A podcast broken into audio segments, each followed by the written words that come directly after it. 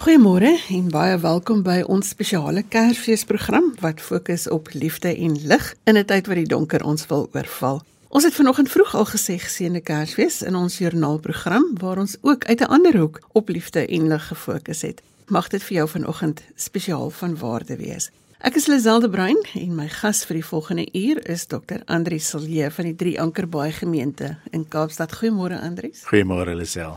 Ons gaan daarom ook hulp kry van die digter Philip de Vos en van die kinders van die Parel skool. Maar Andries, vereers, ons is by nog 'n Kersfees. Help ons om te verstaan aan die hand van die eerste skepingsdag en hoe ons Christus se geboorte en die skepping bymekaar bring.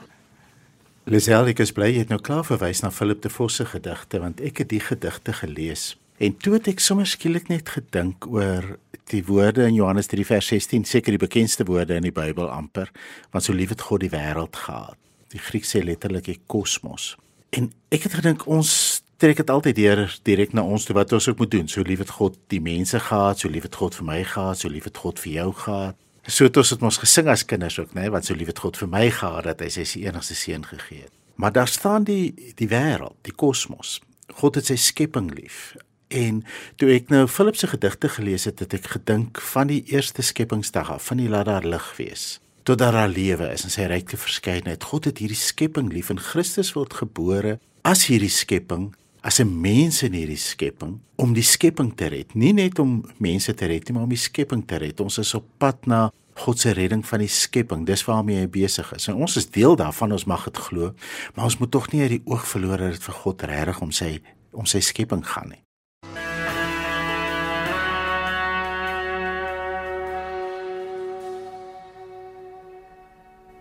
Op die eerste duister dag het hy hom vir alles voorberei vir dit wat swart en donker was, waar nog geen lig wat flonker was. Sy beeld oor die donker sweef waar niks nog roer, waar niks nog leef. Dis sweef hy voort en in sy vlug roer hy sy hand en daar was lig.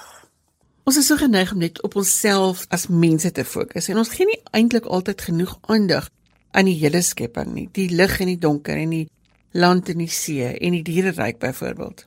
Ja, as 'n mens byvoorbeeld dink aan hoe die woorde van die eerste skepingsdag, laat daar lig wees en daar was lig. Hoe daai woorde weer klink byvoorbeeld in die Johannes Evangelie, né? In hom was lewe en die lewe was lig vir die mense en die woord het vlees geword en onder ons kom woon Christus wat sê ek is die lig vir die wêreld.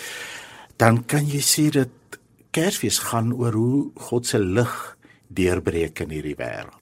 Uh oor hoe God se lig skyn in hierdie wêreld in die donker van hierdie wêreld en hoe die donker nie die lig kan oorweldig nie. En op die derde dag het hy die aarde en die see geskei, die land versier met tikkies groen, met lelies en met soet lemoen. En so het hy 'n tuin berei vir die brose mens om in te bly.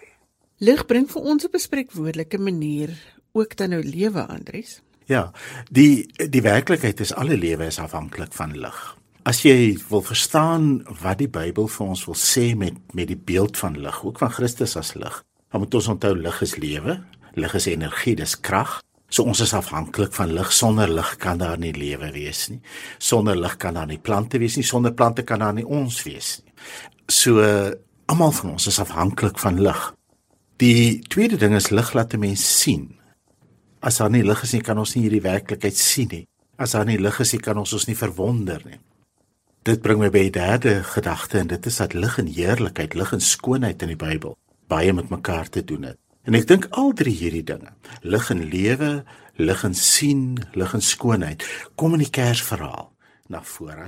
As 'n mens dink aan Christus as die lig vir die wêreld, dan is Christus die een wat ons laat sien wat ons anders laat kyk na die wêreld, wat ons die wêreld letterlik in 'n ander lig laat sien. En as mense byvoorbeeld gaan dink aan die aan die ou Kersverhaal aan aan Matteus se storie, né? Matteus stel byvoorbeeld vir uh uh Herodes en Jesus teenoor mekaar. Koning Herodes koning Jesus, die koning wat gebore word in die stal.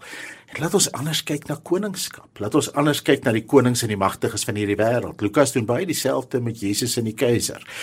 En ek glo dat die Kersverhale vir ons wil sê maar ons moet anders kyk na waar mag regtig lyk, na waar God teenwoordig is in hierdie wêreld. Waar sy krag deurbreek, is 'n krag wat in swakheid werk. Dis 'n krag wat in die alledaagse en die doodgewone werk. Dis 'n krag wat deurbreek in 'n eenvoudige geboorte in 'n stal met Maria en Josef, hierdie eenvoudige mense van die platteland af. En skielik moet ons met 'n nuwe waardering na mense kyk, met 'n nuwe waardering na die lewe kyk, na herders wat op die kantlyn van die lewe sit en skielik sing die engele vir hulle. So ons leer om as dit ware die wêreld in 'n nuwe lig te sien. En dis vir my elke keer elke jaar die uitdaging met Kersfees. As jy mense nou by al die geskenke en die Kersliedere en al hierdie goed verbykyk, is om as gelowige te dink in watter lig sien ek die lewe. Dit bring my sommer by die tweede ding, die ding oor oor skoonheid. Waar sien ek skoonheid, né? Nee, want uh Johannes 1 sê ook ons het sy heerlikheid aanskou.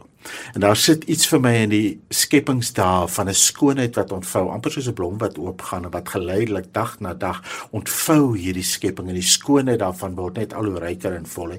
Maar daai skoonheid is 'n weerspieëling van die heerlikheid van die Skepper. Die skoonheid van die skepping weerspieël die heerlikheid van die Skepper. Nou waar sien ons heerlikheid in hierdie wêreld?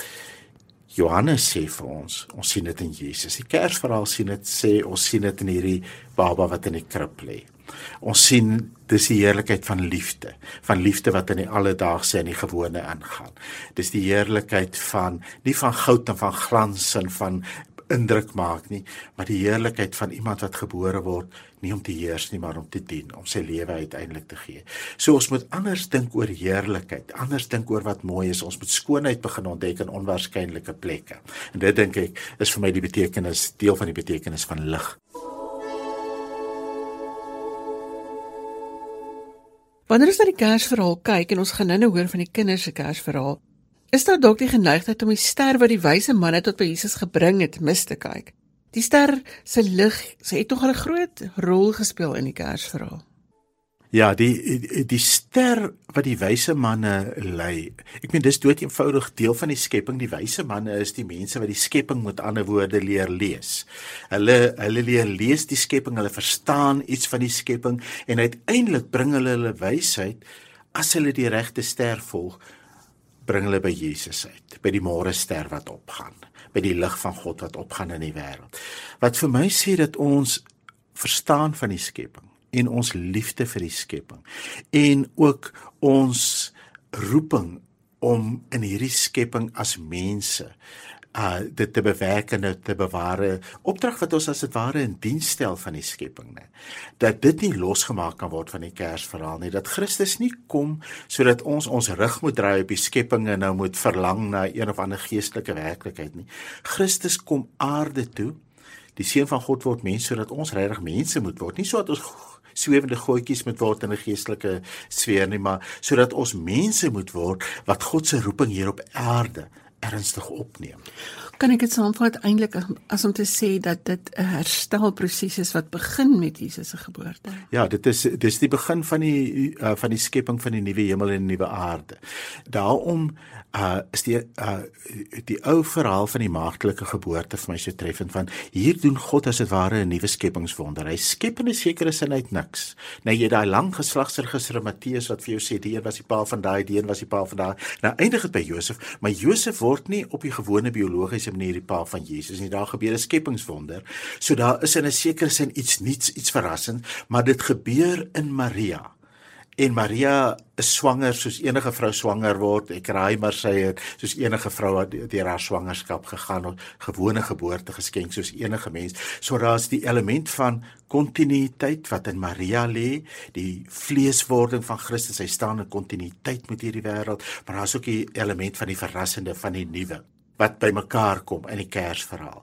En weer as 'n mens dit dink uh in terme van lig en lewe, daar's kontinuïteit met hierdie skepping, die nuwe skepping staan in kontinuïteit met die ou skepping. Dit is God se herskepping van die ou skepping en alles wat in die ou skepping gebeur het word opgeneem in die nuwe skepping. Maar daar's ook die verrassing, die nuwe wat ons nie laat kyk en nie laat dink oor die lewe.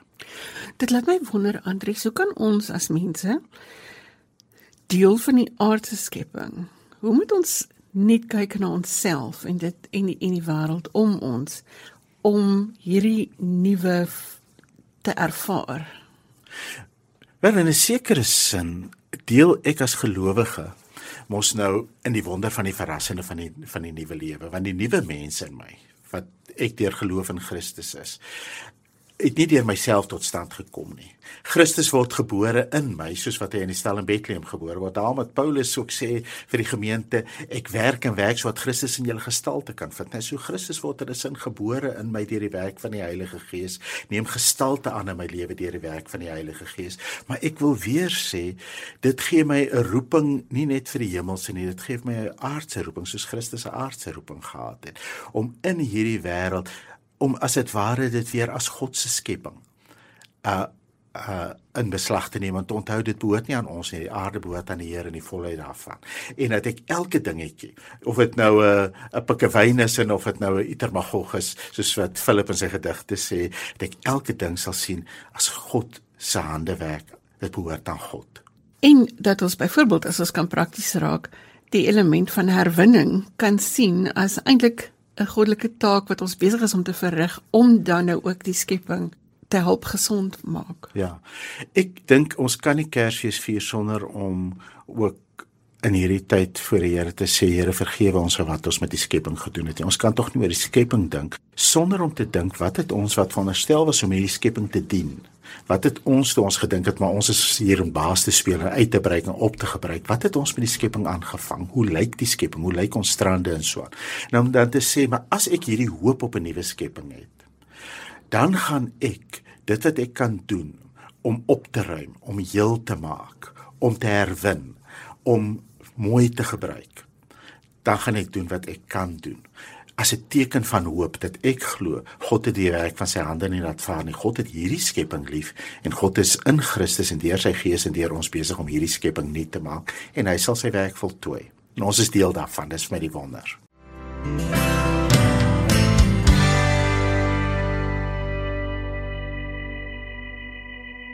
Ek het saam met die koshuiskinders van die Parelskool geëet en ek wil by hulle hoor hoe hulle oor Kersfees dink.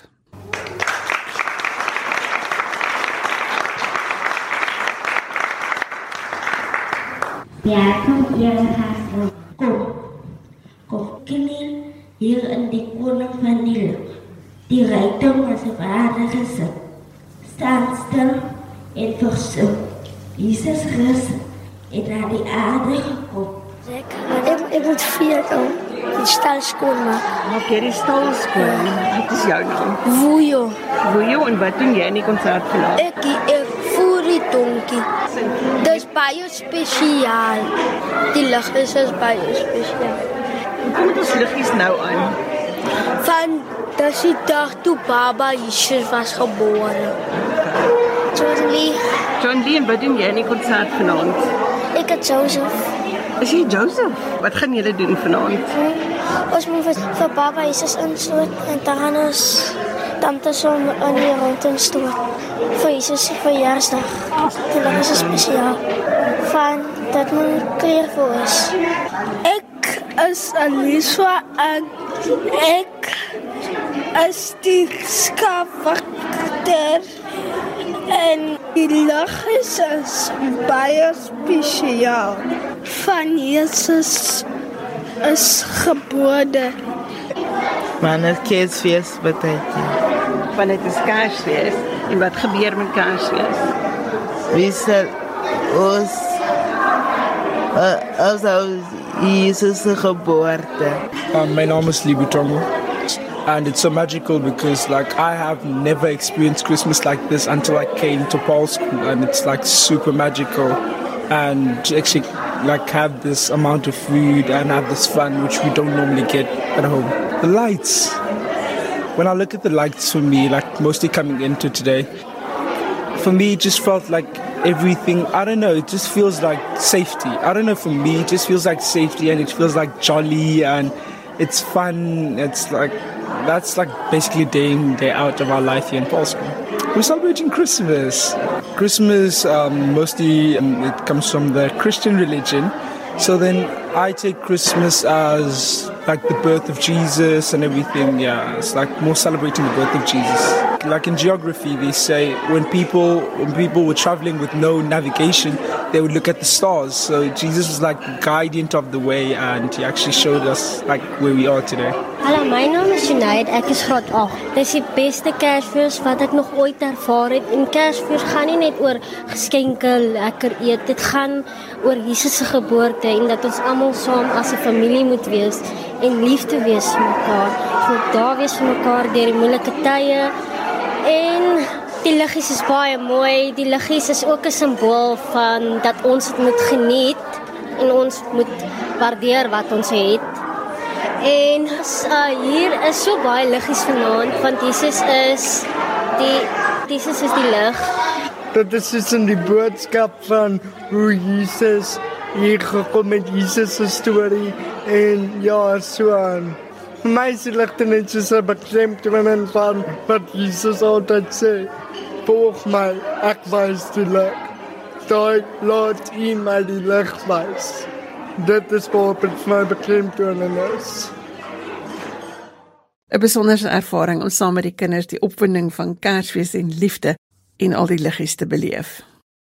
En op die 4de dag het hy ligte oor die swart versprei. Komete, sterre, son en maan, glad te groot om te verstaan. Nou kyk ons op en weet gewis hoe nietig klein ons almal is. Wat ons gesê het in die eerste helfte van ons program is dat Christus het gekom vir sy skepping. As ek dit prakties kan maak, ons is nou so gewoond aan die donker met al ons probleme met wanneer ons lig het en wanneer ons nie lig het nie. En ons almal kry iets om te doen om hierdie donker te verdryf. Christus het vir ons gekom omdat daar meer lewensforme is as net ons. Ek dink die groot probleem met ons is dat ons geneig is om as Johannes sê in Christus is die lewe.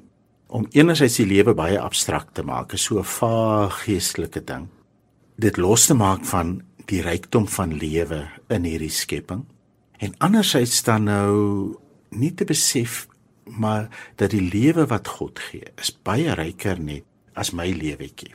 En my lewe word verryk juis wanneer ek my oë en my ore oopmaak vir die rykdom van lewe in die skepping. En dit vir my is die uh belangrike ding van die skepingsverhaal. Is die gedagte dat God skep 'n tuiste.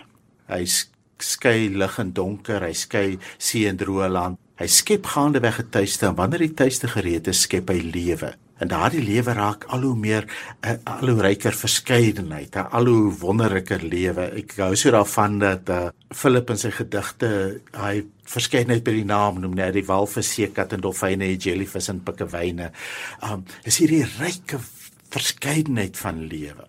As jy mens Psalm 104 gaan lees dan word daar gesê dat al hierdie verskeidenheid kry hulle lewensasem van God, kry hulle voedsel van God. Die lewe kom van God af, né? En dan gee God ook vir ons die lewe. God is die een waaruit ons lewe, die bron van alle lewe. Die mooi beeld wat die profete byvoorbeeld gebruik wat Jeremia veral gebruik is van God as die fontein van die lewe, waar hy die lewe opborrel. En in Christus breek daai lewensfontein weer vir ons oop. Ons wat in baie opsigte ons rug gedraai het op die bron van die lewe en wat gaan lewe soek op ander plekke en op ander maniere. In Christus breek daai fontein weer op. Daarom het Christus in die Johannes Evangelie ook sê, uh as ons die water drink wat hy vir ons gee, sal daai water in ons 'n fontein van lewe word. Maar daai fontein van lewe is ja my lewe wat nou weer 'n lewe uit God en deur God en vir God is. Dit is die hoop op die op die lewe wat sonder ophou sal wees wat op pad is na God toe en wat vir ewig saam met God sal wees.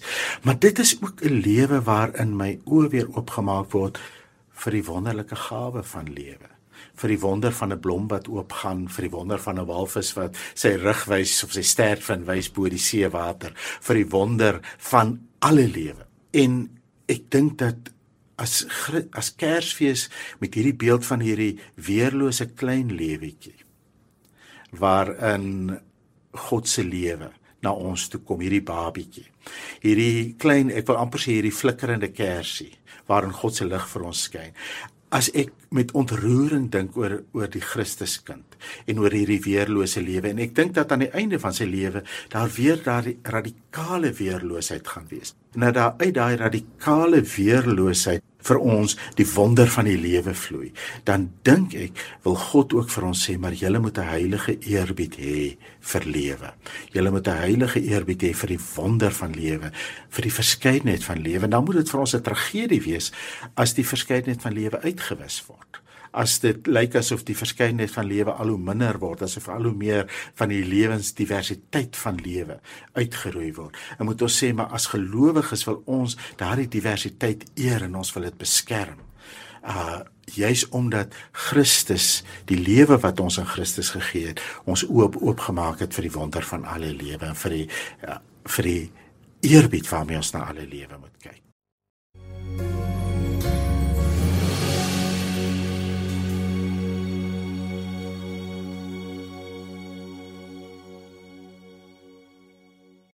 Jou woorde laat my dink aan ons praat van 'n lewe wat floreer. Daar's 'n baba gebore wat sy eerste asem teëgegee het. Dat ons respek moet hê vir dit wat wat in ons geskep is. Kan ons vir 'n oomblik stil staan by asem en hoe belangrik dit is, want dit is wat ons lewe gee. Ja. Ek het die afgelope tyd uh so met 'n groep gelowiges in my gemeente uh 'n kursus gedoen wat ons nou gedoen het oor spanning en so maar wat ons baie gefokus het op asem en oor die hele band tussen asem en gees, né?